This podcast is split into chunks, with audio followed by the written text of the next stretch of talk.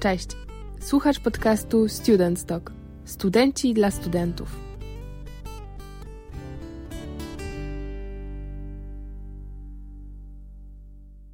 Dzisiaj moim gościem jest Emilian Mucha, prezes e, Międzywydziałowego Koła Afrykanistycznego Uniwersytetu Warszawskiego oraz student trzeciego roku afrykanistyki. Cześć Emilian, co tam u Ciebie? Cześć, cześć, cześć wszystkim. Bardzo dziękuję za zaproszenie do Waszego podcastu. Ja też się bardzo cieszę, że y, udało nam się spotkać, bo słuchaj, y, jesteś y, pierwszą i jedyną osobą, którą znam, która studiuje właśnie afrykanistykę, więc jestem mega ciekawa, co w ogóle się wiąże z tym kierunkiem. Jakbyś mógł powiedzieć, czy, czy, to w ogóle jest fajne? Oj, na pewno jest fajne i zresztą, e, tak jak wspomniałaś, to, to, nie jest, to nie jest nic specyficznego, że jestem pierwszą osobą, bo w ogóle afrykanistów, czy studentów afrykanistyki w Polsce jest niewielu.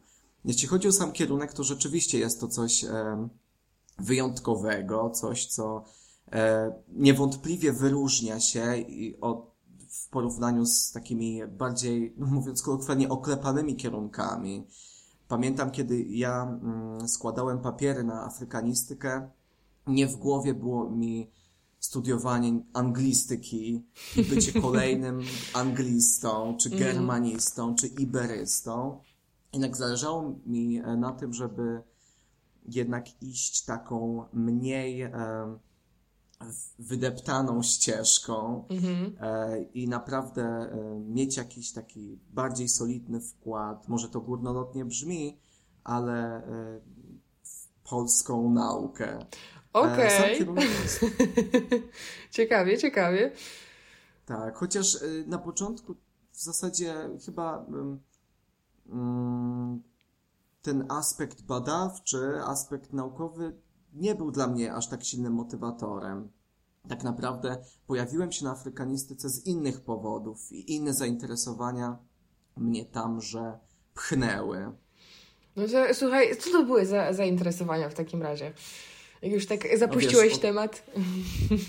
Od em, już w zasadzie od jakiegoś czasu, tak naprawdę od, od czasów gimnazjalnych, interesowały mnie bardzo różne kultury, czasem zupełnie do siebie niepodobne i mm, więc zdążyłem zapoznać się z bardzo wieloma kulturami i bardzo wieloma językami, bo zawsze gdzieś tam ten język też był dla mnie silnym impulsem ku poznawaniu jakiejś kultury.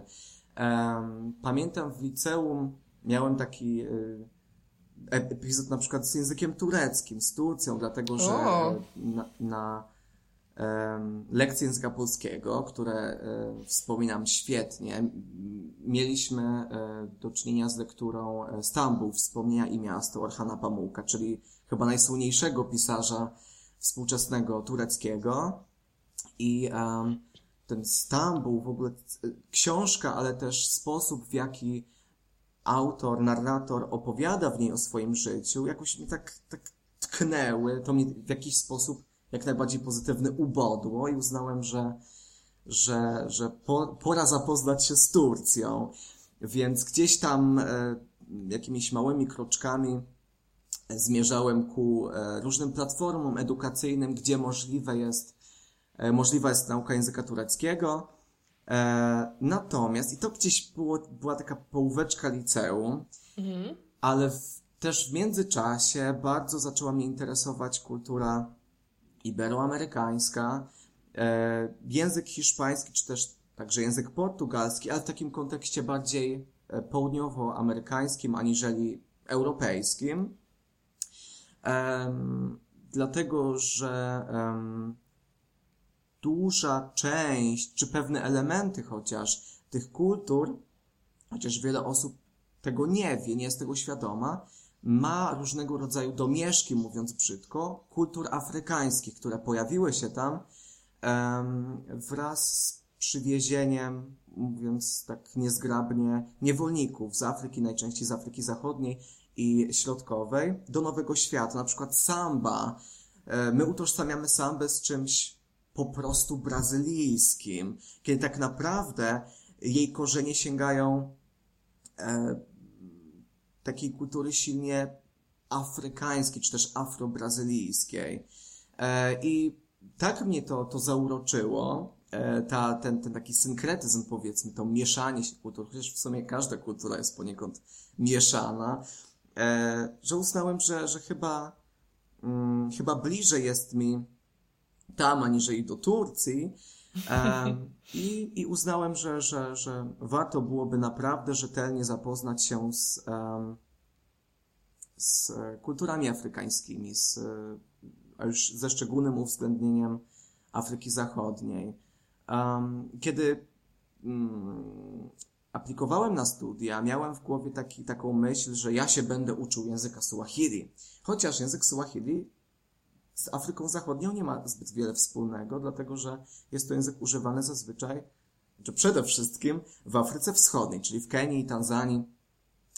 E, natomiast jest on e, w diasporze, czy też tak zwanej transdiasporze afrykańskiej, czyli właśnie w e, Amerykach, na Karaibach, także utożsamiane z takim językiem panafrykańskim. Często osoby, które, na przykład Afroamerykanie, czy też czarni Amerykanie, jeśli chcą w pewien sposób odzyskać, czy poszukują swojej takiej utraconej na przestrzeni wieków em, tożsamości, sięgają gdzieś jakoś nawet symbolicznie po język Suahili, jako ten najbardziej rozpoznawalny, może najbardziej, nie wiem, skomercjalizowany wręcz, najbardziej kojarzony z Afryką, bo przecież każdy z nas zna chociażby takie powiedzenie, które pojawia się wszędzie, w zasadzie wszędobylskie, Hakuna Matata, mhm, które, tak, tak, jest, tak, tak. które jest faktycznym powiedzeniem, które w języku Swahili oznacza e, no, niektórzy to tłumaczą jako nie martw się, ale dosłownie to jest nie ma problemów, czy też tam problemy nie istnieją, zmartwienia nie istnieją.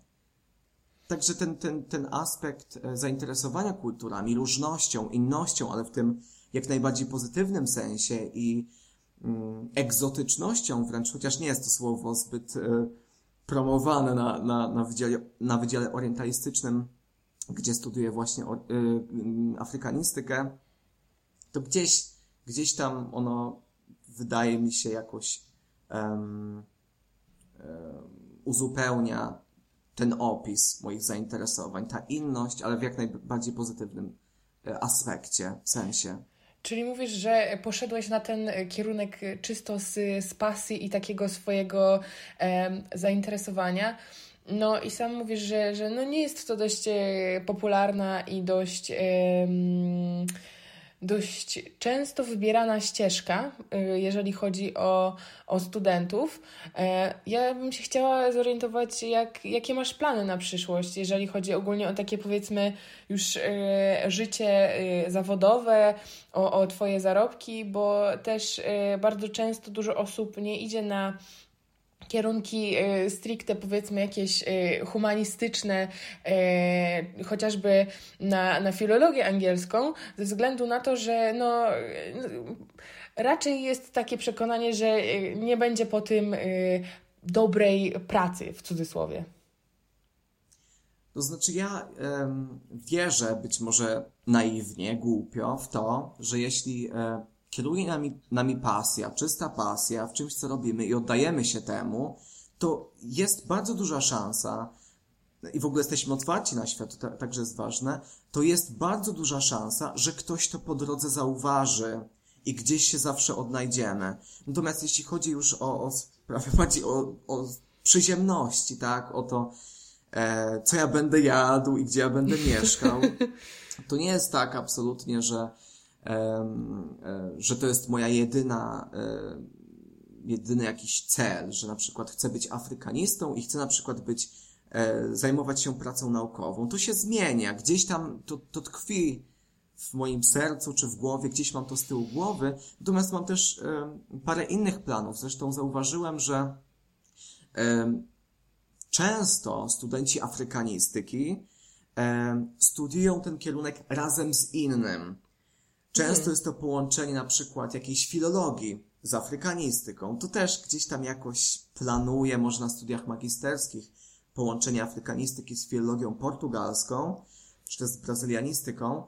Natomiast są takie przypadki, że na przykład y, mam znajomego, który studiuje dziennikarstwo i afrykanistykę, albo y, wydaje mi się takim, takim smacznym połączeniem jest, e, są stosunki międzynarodowe i afrykanistyka, albo, nie wiem, politologia, jakieś studia zajmujące się polityką, takimi, e, nie wiem, chociażby NGO-sami. E, I to spotykam się z tym, wydaje mi się, arabiści też tak mają, e, czyli studenci arabistyki, też gdzieś tam zahaczają bardzo często właśnie o te sprawy polityczne. Natomiast jeśli chodzi o moje inne plany, tak jak wspomniałem już, rozważam filologię portugalską, ponieważ język portugalski e, gdzieś tam też y, liznąłem go na, na lektoratach i zawsze mi się szalenie podobał. Także kulturowo, te, to podłoże kulturowe, mam tu na myśli bardziej Brazylię aniżeli Portugalię, e, gdzieś to zawsze było dla mnie zachęcające. Zresztą język portugalski tak fonologicznie e, jest po prostu przepiękny. Razem z tureckim po prostu jest u mnie najwyżej w rankingu, jeśli chodzi o, e, o to, jak brzmi, o piękno brzmienia. E, spotkałem się z takim ciekawym, ale, ale jak najbardziej trafnym porównaniem, że język portugalski, chociaż w, w zasadzie i w wariancie europejskim i brazylijskim brzmi jak hiszpański mówiony z e, rosyjskim akcentem. I rzeczywiście, hmm rzeczywiście tak, spotkałem się z tym niejednokrotnie, że ktoś nie wiedząc, jak brzmi język portugalski, słysząc go po raz pierwszy, myślał, że to jest jakiś język słowiański. Bo tam jest bardzo, nawet polski, mhm. E, bo tam jest dużo tych takich wszystkich szy, czy, dż, e, tych takich zbitek spółgłoskowych. Mhm. Które u nas się często tak pojawiają. Mhm. Mm, tak, które w języku polskim są, e, są obecne, trudno ich nie zauważyć.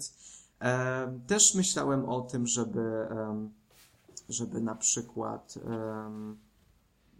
cały czas krążąc wokół tego jądra języków, o uczeniu e, języka polskiego jako obcego. Już od jakiegoś czasu to robię, ale tak bardziej amatorsko. Nie mam żadnych e, papierów, certyfikatów, dyplomów, które potwierdzają, że ja wiem, co robię. Mhm. Natomiast moje zainteresowanie językami te, nie, nie ogranicza się tylko do języków obcych. Polszczyzna jest dla mnie bardzo ważna. E, w ogóle etymologia słów też pomaga w nauce innych języków, tak mi się wydaje. Tak więc, jeżeli e, nagle, nie wiem, jakieś trybiki przestawią mi się w głowie i uznam, że jednak afrykanistyka to nie jest to, czego pragnę, czego łaknę, no to nauczanie języka polskiego jako obcego jest czymś jak najbardziej atrakcyjnym dla mnie. Okej. Okay. A słuchaj, y, jeszcze się chciałam dopytać a propos tej afrykanistyki i zaraz y, zmienimy właśnie temat, bo już tak ładnie przechodzisz w tą, w tą naukę języków, więc zaraz do tego dojdziemy. Ale jeszcze się chciałam zapytać, czy ty w ogóle byłeś kiedyś w Afryce i czy jakby planujesz, żeby się tam udać? Bo, bo myślę, że to jakby no, wypadałoby kiedyś odwiedzić.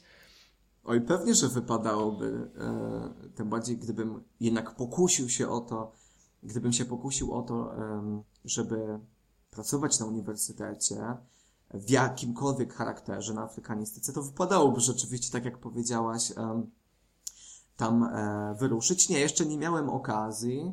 E, wydaje mi się, że kiedyś to nastąpi, z racji tego, że po prostu zamierzam bliższej lub dalszej przyszłości złożyć tam e, jakiś projekt, plan projektu badawczego.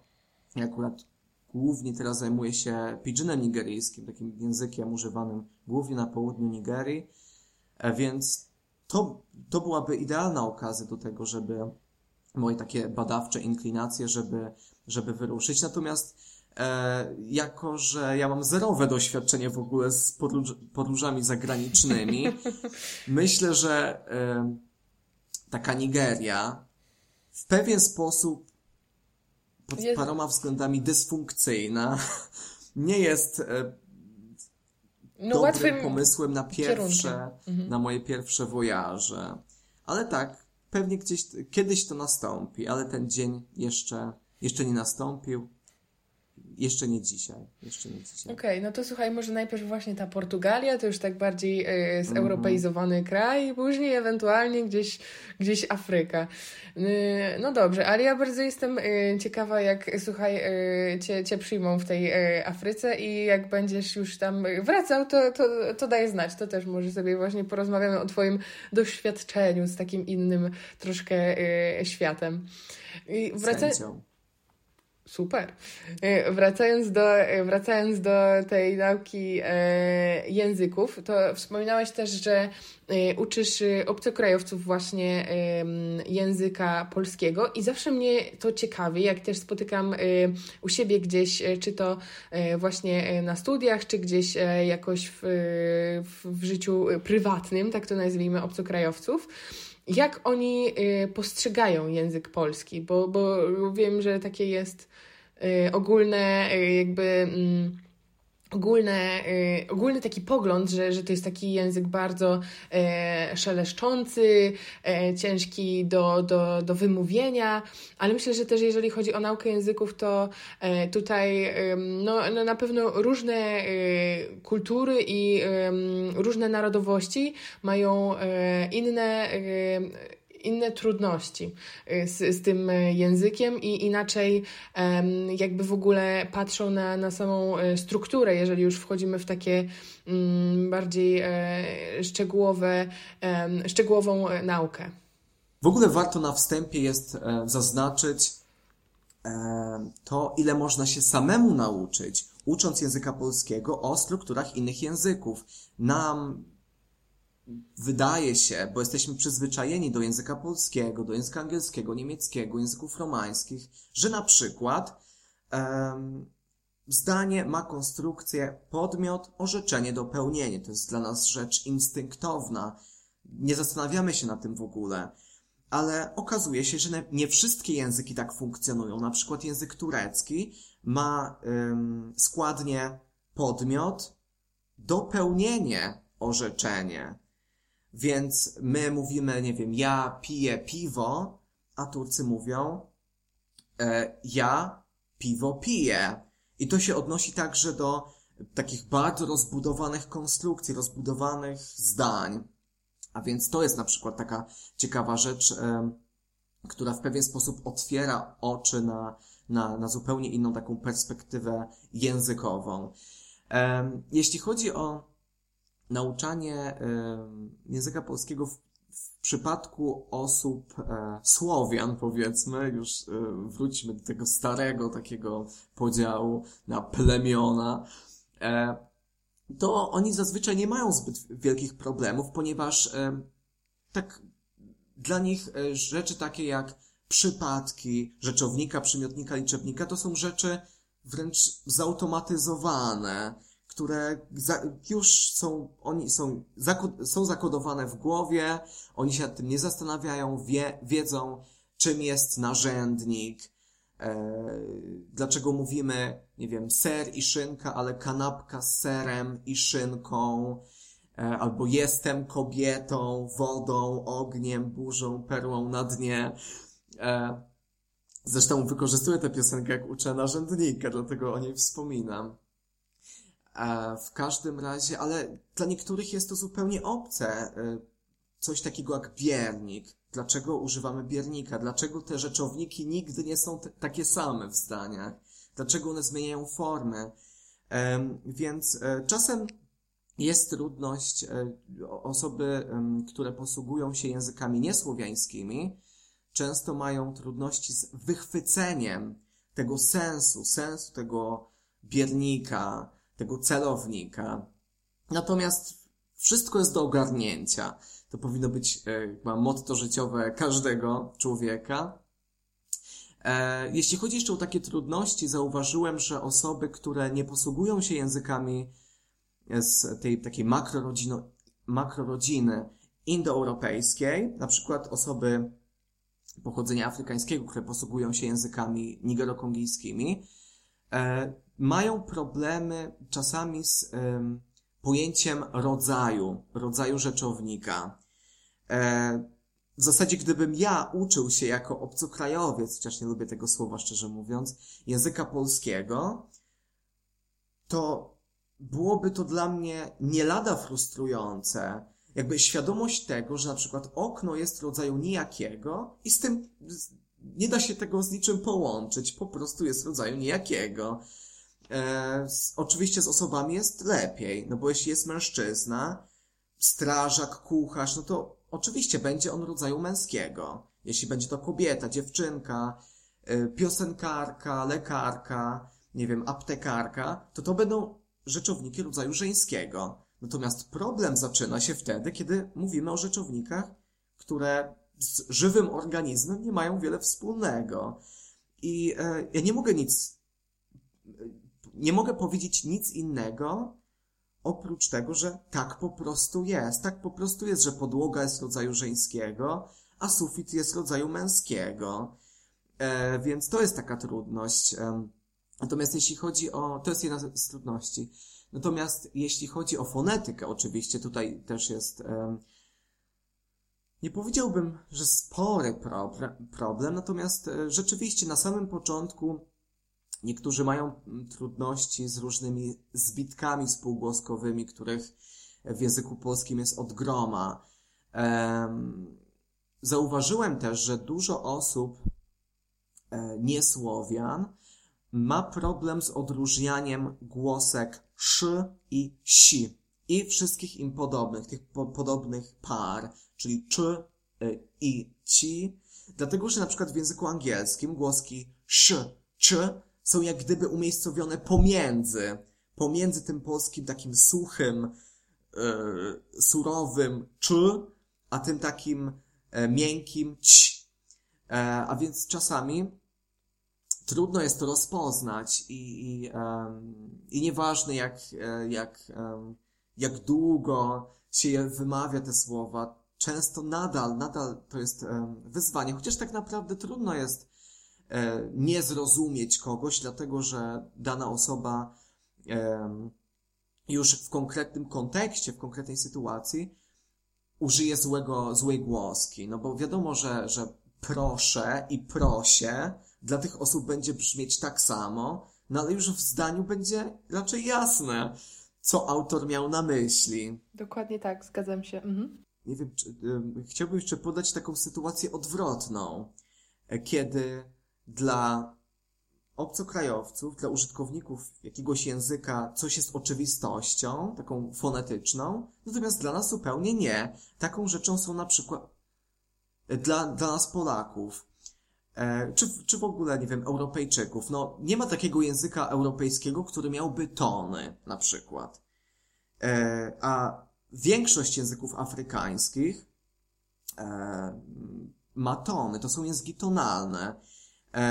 I często są z tym problemy, dlatego że wielu Europejczyków nie słyszy tych tonów, nie odróżnia. Tutaj akurat podam przykład z języka Hausa.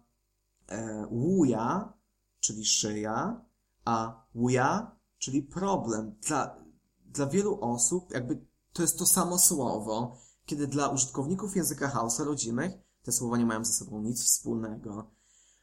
I oni też mają taki wyrobiony, zautomatyzowany sposób wymawiania ich, bez zastanawiania się nad tym, gdzie jest on niski, gdzie jest on wysoki. Bo oni jakby w tym takim środowisku, tak, tym hausa języcznym, dorastali, byli dziećmi i, i jakoś inaczej podłapali fonetykę tego języka niż, niż my, którzy się go dopiero uczymy. Ale tak jest tak samo z wieloma językami Azji, z chińskim, gdzie tonów jest bodaj siedem, chociaż mogę skłamać, czy w wietnamskim, co, co dla mnie w ogóle jest już hardcorem. W Hausa są dwa, ewentualnie trzy i z nimi czasami są takie minimalne problemy, ale 6 to absolutnie nie na moje nerwy i nie na moją cierpliwość. Oj, tu myślę, że, że to jest bardzo mhm. ważne, żeby dobrze odczytywać to, co autor miał e, na myśli, bo e, możemy mieć sytuację, że idziemy sobie na przykład przez e, ciemne osiedle i wychodzi pan, który się chce nas kulturalnie zapytać, czy mamy szyję, jak tam nasza szyja, a my to odbierzemy, czy mamy problem, także tu już dlaczego jest różnica. Miałby, dlaczego miałby pytać, czy mam szyję? Co on nie widzi? No słuchaj, no tutaj no, no różnie może sytuacja wyglądać, jakby ja nie deprawuję nikogo, ale jakby różne myśli mogą mieć ludzie, także y, to, to trzeba mieć myślę na uwadze. Mm, a powiedz mi proszę jeszcze, jak wygląda kwestia, czy ty sobie kiedyś liczyłeś, ile ty w ogóle znasz y, języków i y, jakie to są języki, bo też coś mi się wydaje, że raczej to, to na tym jednym języku nie pozostaje, co nie? To znaczy ja już e, jakiś czas temu przestałem, przestałem liczyć, tak zupełnie poważnie to, przestałem przywiązywać do tego wagę. To znaczy, e, kiedy byłem trochę młodszy, kilka lat temu e, zależało mi na tym, żeby poznać dużo języków, żeby wpisać sobie do tak zwanej CV-ki, e, e, czy tam na, jakimś, na jakichś platformach właśnie poświęconych biznesowi i, i właśnie takim CV online.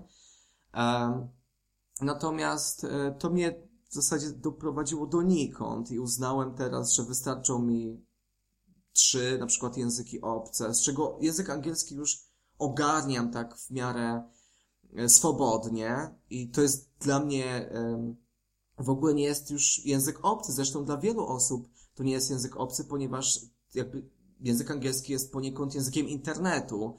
Te, te w ogóle takim, jest takim językiem ogólnoświatowym, więc mnóstwo treści, które przyswajamy, to treści w języku angielskim. E, więc jesteśmy tak z nim zaznajomieni, e, że trudno jest czasami mówić o tym języku jako o czymś obcym. E, w każdym razie pamiętam e, w, w liceum jeszcze całkiem dobrze mówiłem po niemiecku, natomiast już zdając maturę, e, między innymi z języka niemieckiego, to znaczy jestem po maturze międzynarodowej i jednym z języków e, był język niemiecki, znaczy jednym z przedmiotów, przepraszam, był język niemiecki.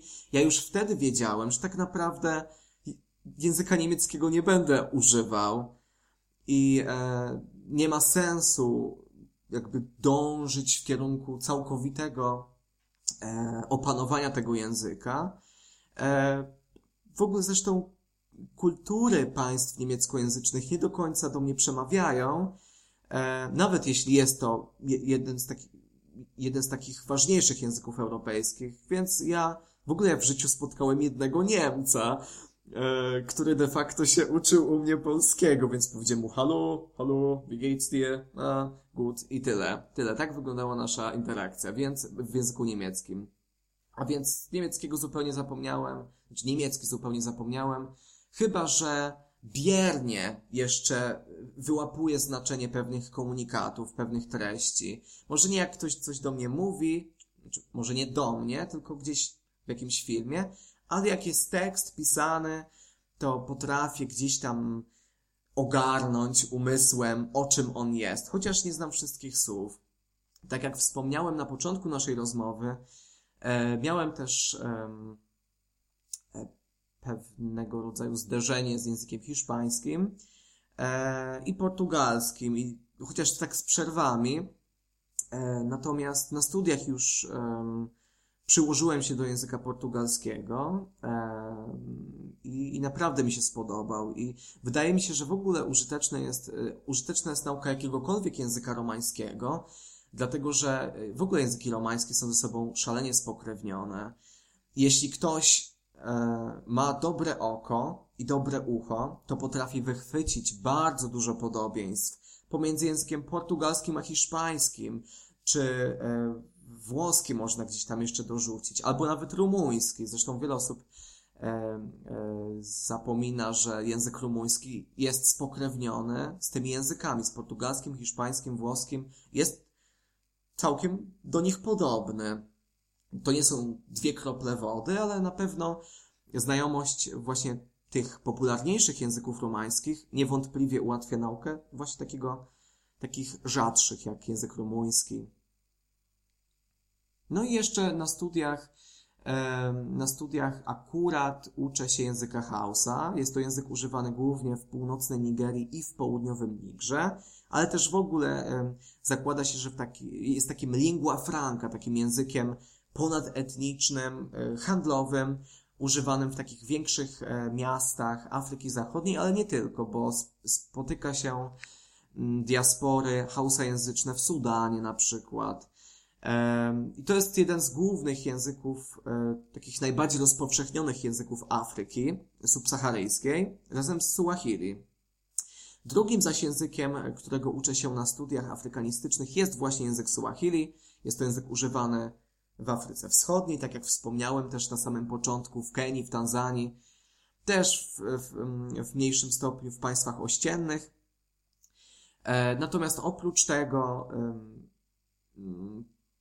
pewnym momencie moich studiów, to chyba był koniec pierwszego roku, a jestem już na trzecim, e, zapałałem miłością do, do e, pidginu nigeryjskiego, czyli jest to taka, e, no mówiąc mało, takim specjalistycznym językiem mieszanka języka angielskiego z językami rodzimymi. Zazwyczaj te języki rodzime wpływają na gramatykę tego pidginu, e, a język angielski zasila leksykalnie e, czyli tę taką bazę e, słownictwa tego języka. Jest to język też szalenie, szalenie e, dynamicznie się rozwijający, e, też w pewien sposób taki ponadetniczny, e, jakoś łączący, skłóconych ze sobą Nigeryjczyków. Może tutaj brzmi bardzo teatralnie, ale być może jest tym e, ziarno prawdy.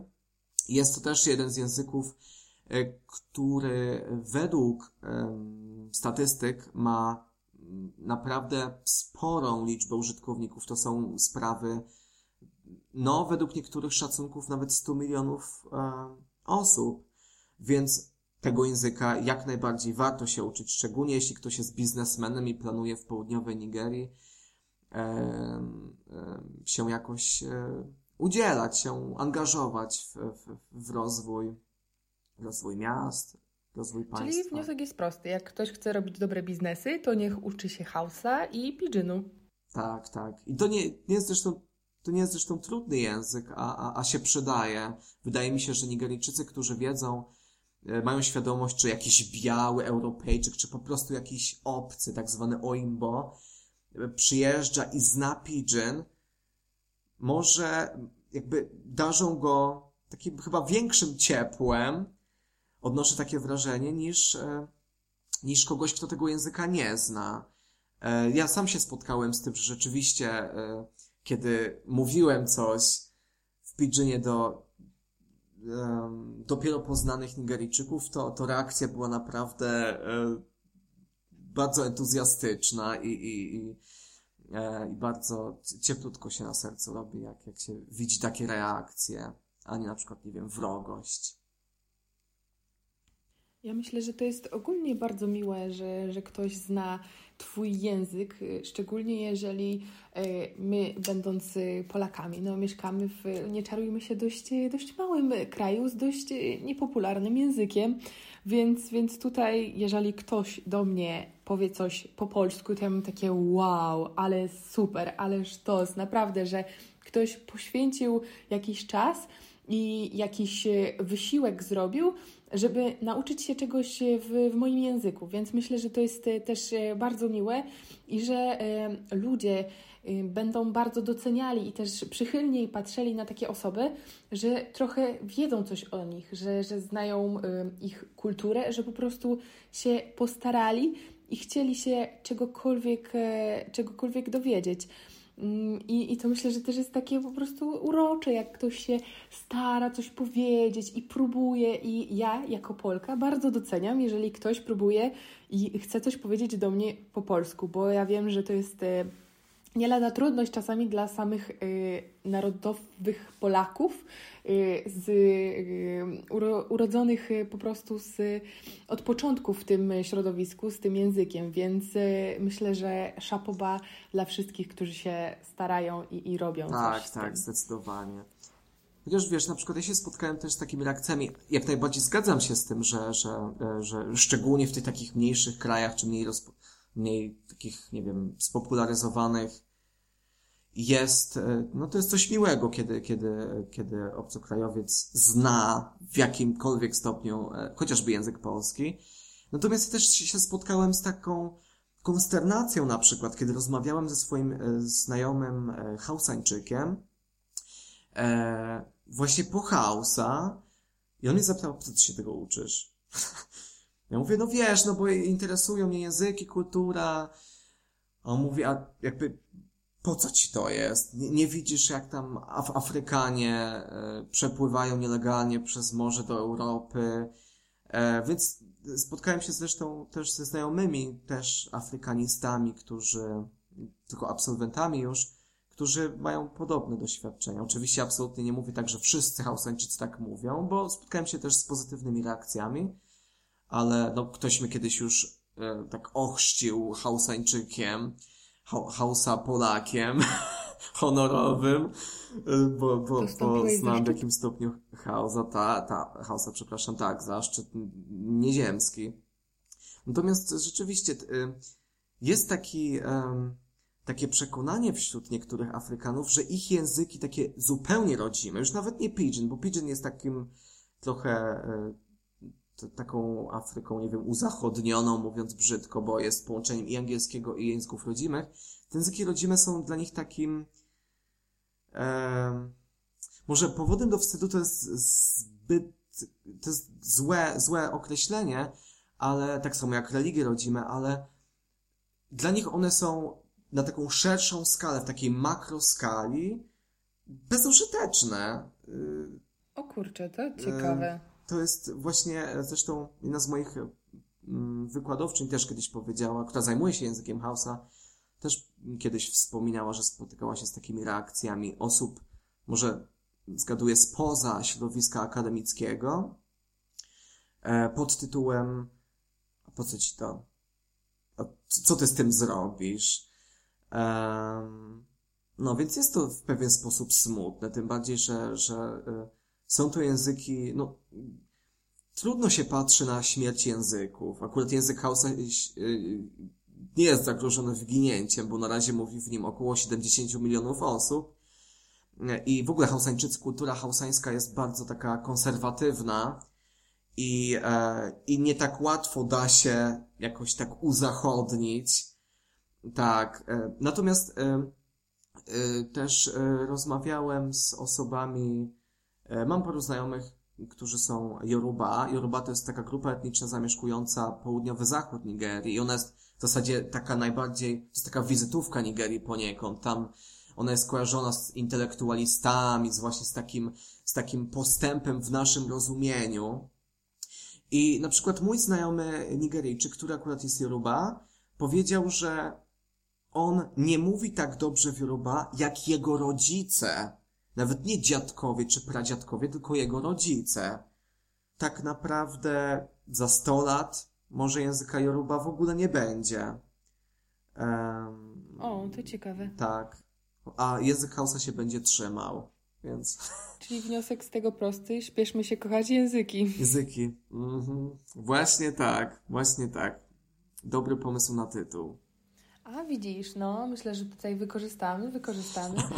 Mm, a wracając jeszcze właśnie do tematu języków i, i nauki języków, czy masz może jakieś e, swoje sposoby ulubione, takie tajne triki właśnie na szybką i, i efektywną e, naukę tych języków? Bo no, niestety nie wszyscy mają takie zdolności też e, pochłaniania tego języka, a myślę, że jest to bardzo przydatna umiejętność w dzisiejszym świecie, żeby znać kilka języków właśnie. Oj, czy tajne to nie wiem, ale triki na pewno. To znaczy, może nawet to nie jest tak, że mam jakiś podręcznik, czy mam rozpisane, co ja powinienem robić, żeby, żeby siadło, żeby, e, żeby się czegoś nauczyć. Tak. Myślę, że. Żeby weszło do głowy. Nieocenioną rolę ma otoczenie się językiem.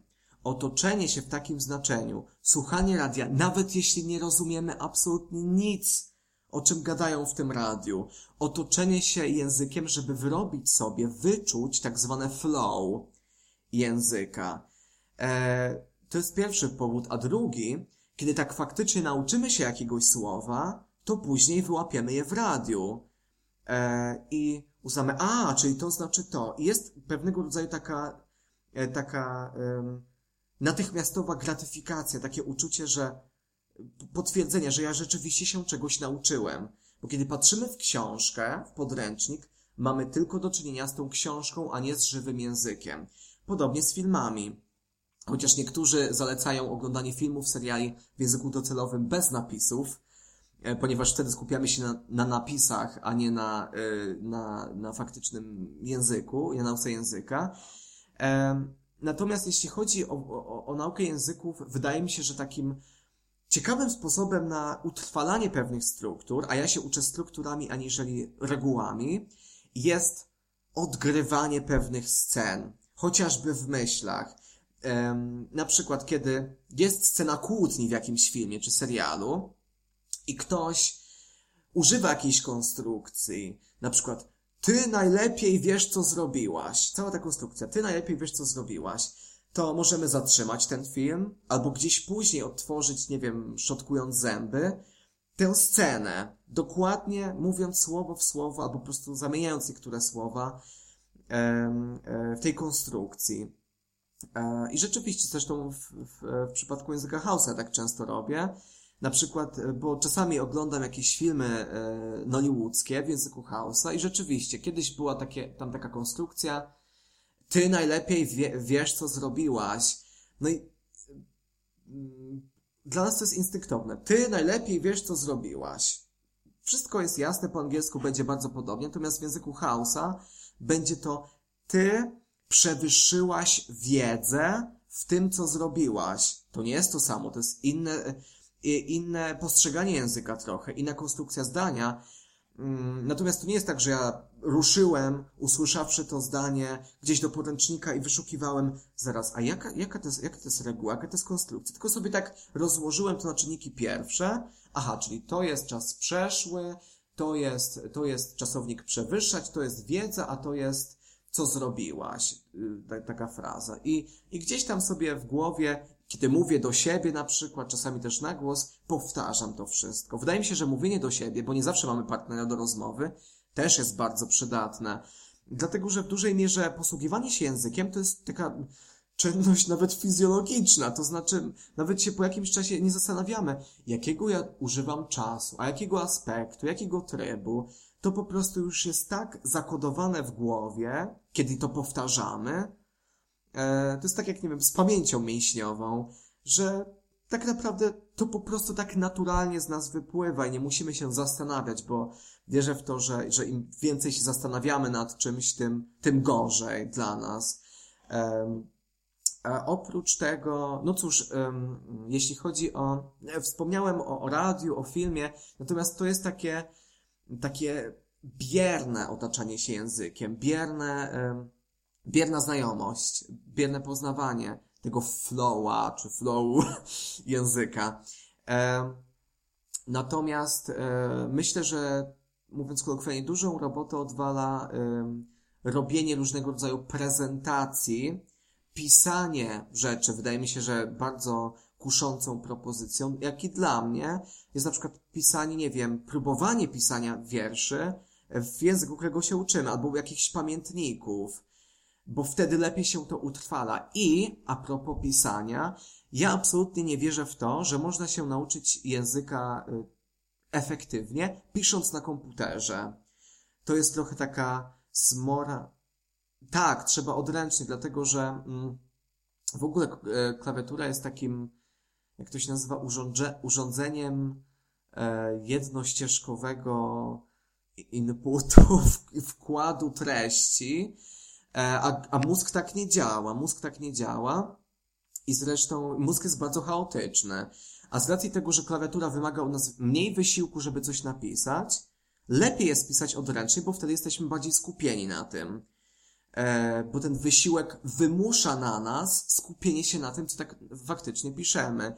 Ja e, złapałem się na, na tym jakiś czas temu, bo jakby te zajęcia online, ta onlineowość zajęć, e, wpłynęła na to, że piszemy dużo na komputerze i teraz też na uczelnię przychodzę z komputerem, bo jest po prostu łatwiej, szybciej, łatwo jest się z tym zebrać przed i po zajęciach, ale uznałem, że jednak trzeba się przerzucić na mniej chociaż być może nawet Najlepiej samemu. bardziej ekologiczny zeszyt, e, mm, e, żeby rzeczywiście utrwalić to e, pisząc, pisząc odręcznie, to czego chcemy się nauczyć. Nie jest to być może najprzyjemniejsza rzecz, najchętniej pisalibyśmy coś na komputerze i tam, nie wiem, ruszając się w rytm muzyki, która tam płynie w słuchawkach, ale, ale warto jest czasami przysiąść nad czymś w ciszy i skupić się w pełni, oddać się czemuś w pełni, e, a nie oddawać się pewnego rodzaju taki, takiemu rozproszeniu, z którym wiąże się korzystanie z komputera, z internetu. Oj tak, ja bardzo polecam takie pisanie właśnie odręcznie, y, powiedzmy w cudzysłowie staromodne, gdzie mamy tą y, kartkę papieru i długopis i, i takie tworzenie notatek też mi osobiście daje bardzo dużo y, satysfakcji, bo po prostu lubię mieć e, przejrzyście te notatki sformułowane, też jakieś tam fajne zakreślacze do tego i w ogóle inne cudowne szmery bajery, więc, więc ja e, bardzo serdecznie polecam i też widzę po sobie, że bardzo dużo mi to daje. I e, zupełnie inaczej wygląda moja nauka, gdy piszę na komputerze i e, tylko po prostu wklikuję dane literki, a co innego, gdy sama tworzę te, te notatki. I serio jest to y, udokumentowane przeze mnie, że więcej e, zapamiętuję i więcej się y, uczę przez, y, przez właśnie takie, takie metody. I też myślę, że to, co mi e, pomaga w. mm, w, w nauce właśnie języków, to jest też e, na przykład e, tworzenie różnych list słówek, które, które są naszym celem i naszym takim wyznacznikiem, że takiego zakresu mamy się nauczyć, bo też słyszałam, że e, takie że podstawowa umiejętność e, porozumiewania się w, w danym języku to wystarczy tam powiedzmy znać 50 e, czasowników e, podstawowych jakiś, i jakieś takie podstawowe powiedzmy spójniki. I jakoś już tutaj jesteśmy w stanie wywnioskować, czy też trochę może na migi porozumieć się z drugą, z drugą osobą. I e, to, co też e, akurat dla mnie jest bardzo fajne i mnie też motywuje, to właśnie ustalenie takiego jakiegoś swojego celu, jakichś swoich e, ram, bo sama nauka dla, dla pasji też myślę, że jest bardzo ważna i przede wszystkim na tym powinniśmy się skupiać, że powinno nam to przynosić radość ale mnie też dodatkowo motywuje, kiedy mam taki bat nad sobą i, i mogę e, właśnie też e, poprzez to mierzyć swoje cele, swoją, swoją efektywność, czy rzeczywiście mi się udało, czy jeszcze muszę nad czymś e, popracować i coś jeszcze udoskonalić, Tak, więc polecam serdecznie. tak jest. Poza tym wydaje mi się, że taką dodatkową radą, które, którą mógłbym dać od siebie, która jest poniekąd powiązana z tym, co przed chwilą powiedziałaś, jest takie... em, Oczywiście cele są ważne, natomiast ja złapałem się na tym wielokrotnie, że em, narzucałem, wmuszałem sobie taką projekcję, że ja muszę znać ten język.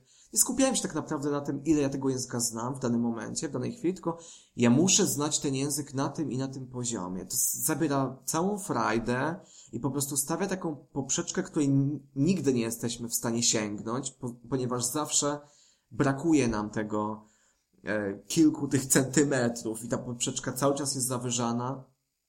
E, wydaje mi się, że, że w- ogóle nabieramy takiego, te, takiego brzydkiego nawyku narzucania sobie tych projekcji, bo e, i, i, i e, nie wiem, może nie gardzimy sobą, ale, e, ale łatw, łatwiej jest nam w życiu dorosłym chyba e, poddawać się, kiedy widzimy, że coś nam nie wychodzi. A ja wierzę w to, że po prostu jeśli coś nam nie wychodzi, ale mamy do tego pasję i będziemy robić to długo, wystarczająco długo i, i rzetelnie, no to przestaniemy być, e, przestaniemy robić to, to źle i ta jakość będzie wyższa, bo przecież czy dziecko, nie wiem, tam, które dopiero uczy się chodzić, gardzi sobą, czy, czy nie wiem, płacze, robi jakieś histerie, że na przykład walnęło na podłogę, bo jeszcze nie może ustać na nogach. No nie, po prostu próbuje dalej. I gdzieś tam w trakcie naszego życia pojawia się taka myśl, kurczę, a może, może ja nie jestem, jakby, to nie jest dla mnie, a może, może ja powinien spróbować czegoś innego. E, więc to jest paskudne strasznie. I tak samo pamiętam, kiedy ja byłem mały i uczyłem się języka angielskiego, nie miałem takiej, e, takiego wyobrażenia, że ja muszę znać ten język na tym i tym poziomie, tylko po prostu miałem książki, te, te i te, jakieś tam płyty, CD i tak dalej z tymi książkami i tyle. I mnie to po prostu zwyczajnie ciekawiło. A teraz co jakiś czas muszę robić takie oczyszczenie umysłowe. Reset. I tak sobie, bo, bo raz na jakiś czas zbieram takie, takie myśli. A ja muszę znać ten język na C1, na przykład, nie wiem, to Hausa. I ja nie mogę nigdy do tej poprzeczki doskoczyć. Zamiast po prostu się cieszyć tym, że, że, że, że umiem Hausa, czy w jakimkolwiek innym języku, czy w jakikolwiek inny język e, obcy. To już tutaj podsumowując e, naszą rozmowę powoli i e, dobiegając do końca, to też e, właśnie warto, żeby to wybrzmiało, że to, co robimy, fajnie jakby mhm. przynosiło nam radość i, i żebyśmy z tego też czerpali oczywiście korzyści dla siebie, ale żeby to też nie stało się takim właśnie nudnym, mozolnym obowiązkiem i jeżeli możemy, to żebyśmy właśnie y, w jakiś sposób odnaleźli w tym swoją pasję i może okaże się, że, że stanie się to naszym y, hobby nawet, więc y, więc myślę, że mhm. nauka języków jest e, bardzo pasjonująca, może być bardzo e, pasjonująca i myślę, że też e, otwiera wiele furtek przed nami. Przykładowo, jeżeli chcemy jechać do Afryki, to warto uczyć się ichniejszych języków, żeby umieć się dogadać i być dobrze odebranym przez, przez społeczeństwo właśnie afrykańskie.